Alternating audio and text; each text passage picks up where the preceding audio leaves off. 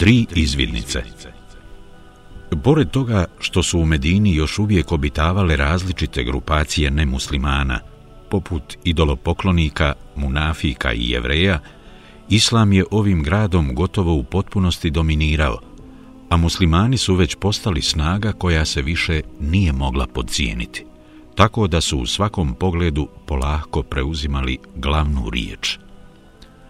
Upravo u takvom ambijentu i okolnostima uzvišeni Allah dozvoljava vjernicima oružanu borbu.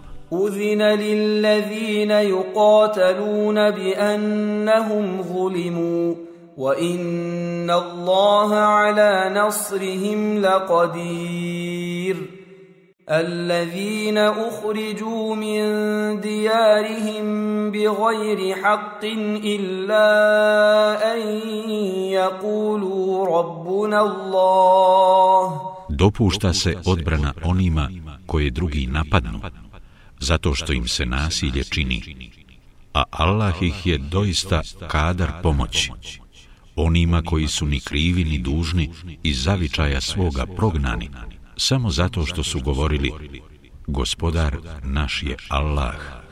El Hadž 39 do 40.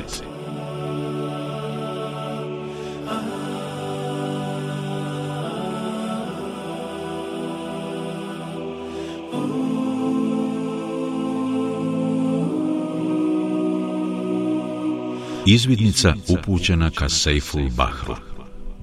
Postupajući u skladu sa Božijom odredbom kojom se dozvoljava oružana borba, Allahov poslanik sallallahu alejhi ve sellem počeo je sa slanjem manjih vojnih patrola koje su presretale trgovačke karavane mušrika kako bi im preoteli imetak i vrijednosti na koje su oni, muslimani, u suštini polagali veće pravo od njih.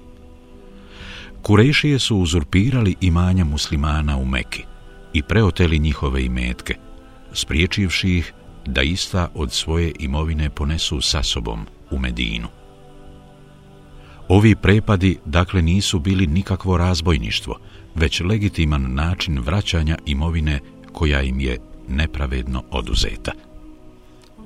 Tako je poslanik sallallahu alejhi ve sellem poslao prvu izvidnicu koju je predvodio njegov amidža Hamza bin Abdul Muttalib, a zastava koju je po poslanikovoj sallallahu alaihi veselem naredbi uzdigao u tom pohodu bila je bijele boje i to je ujedno bila prva zastava koja je uopće uzdignuta u islamu.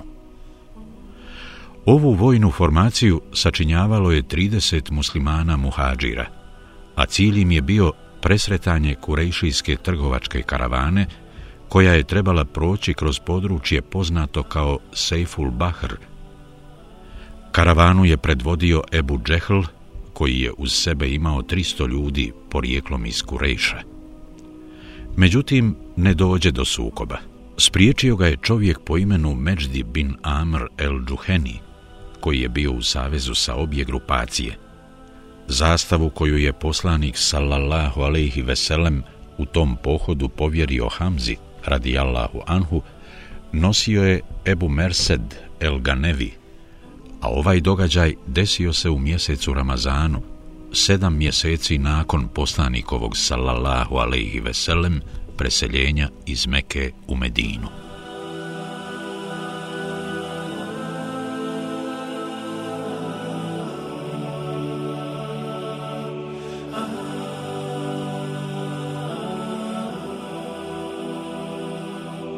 Zaključci, pouke i poruke Prvo, poslanik sallallahu alejhi ve sellem gotovo da nije poduzimao nikakav značajan korak u vezi s bilo kojim pitanjem, sve dok mu uzvišeni Allah to ne bi odobrio.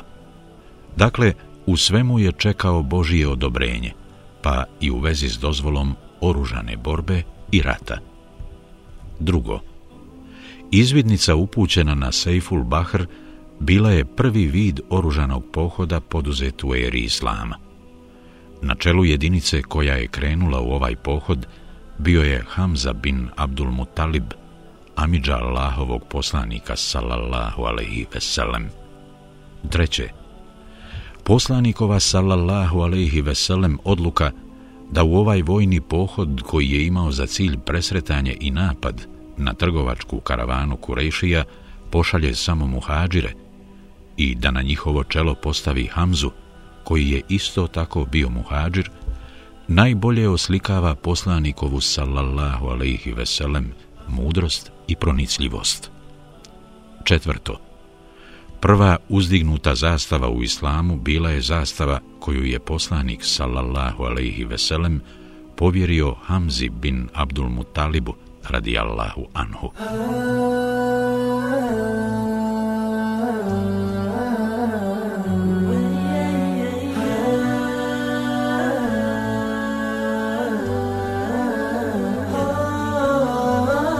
Izvidnica upućena Karabigu.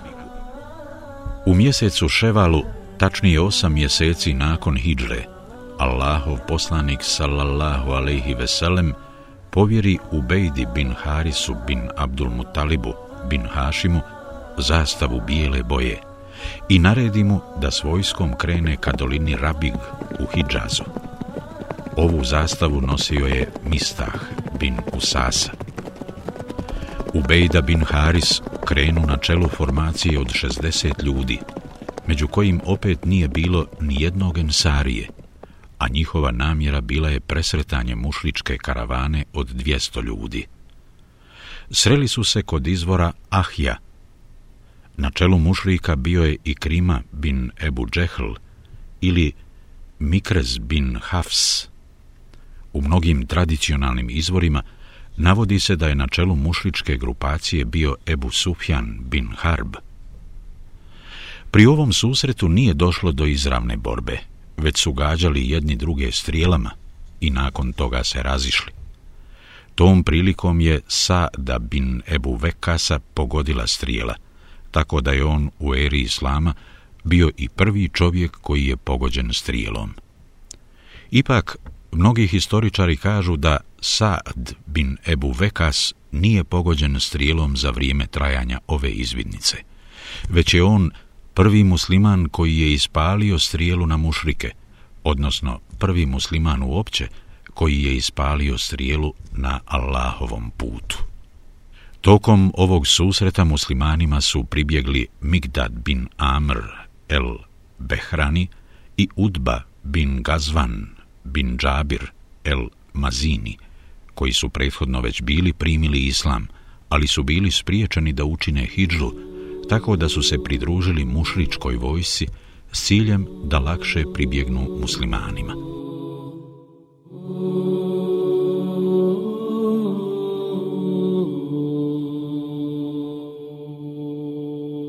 Zaključci, pouke i poruke Prvo, I u ovom pohodu poslanik sallallahu alejhi ve sellem za vođu određuje svog amidžu.